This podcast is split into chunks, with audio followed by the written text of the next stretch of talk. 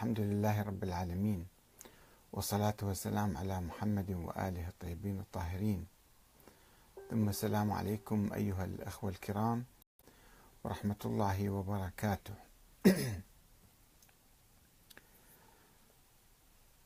المراجع وأسطورة التخصص في الدين. لماذا يفتي بعض المراجع بغير ما أنزل الله وخلافا للعقل والعلم. المراجع وأسطورة التخصص في الدين.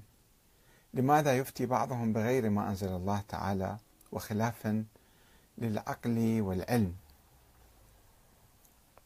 في موضوعنا اليوم عده أمور.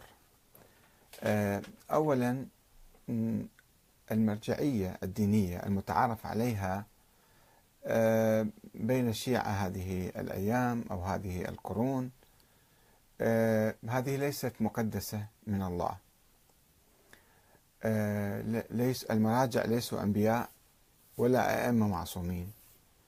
هم رجال درسوا الفقه وقد يصيبون في آرائهم وقد يخطئون.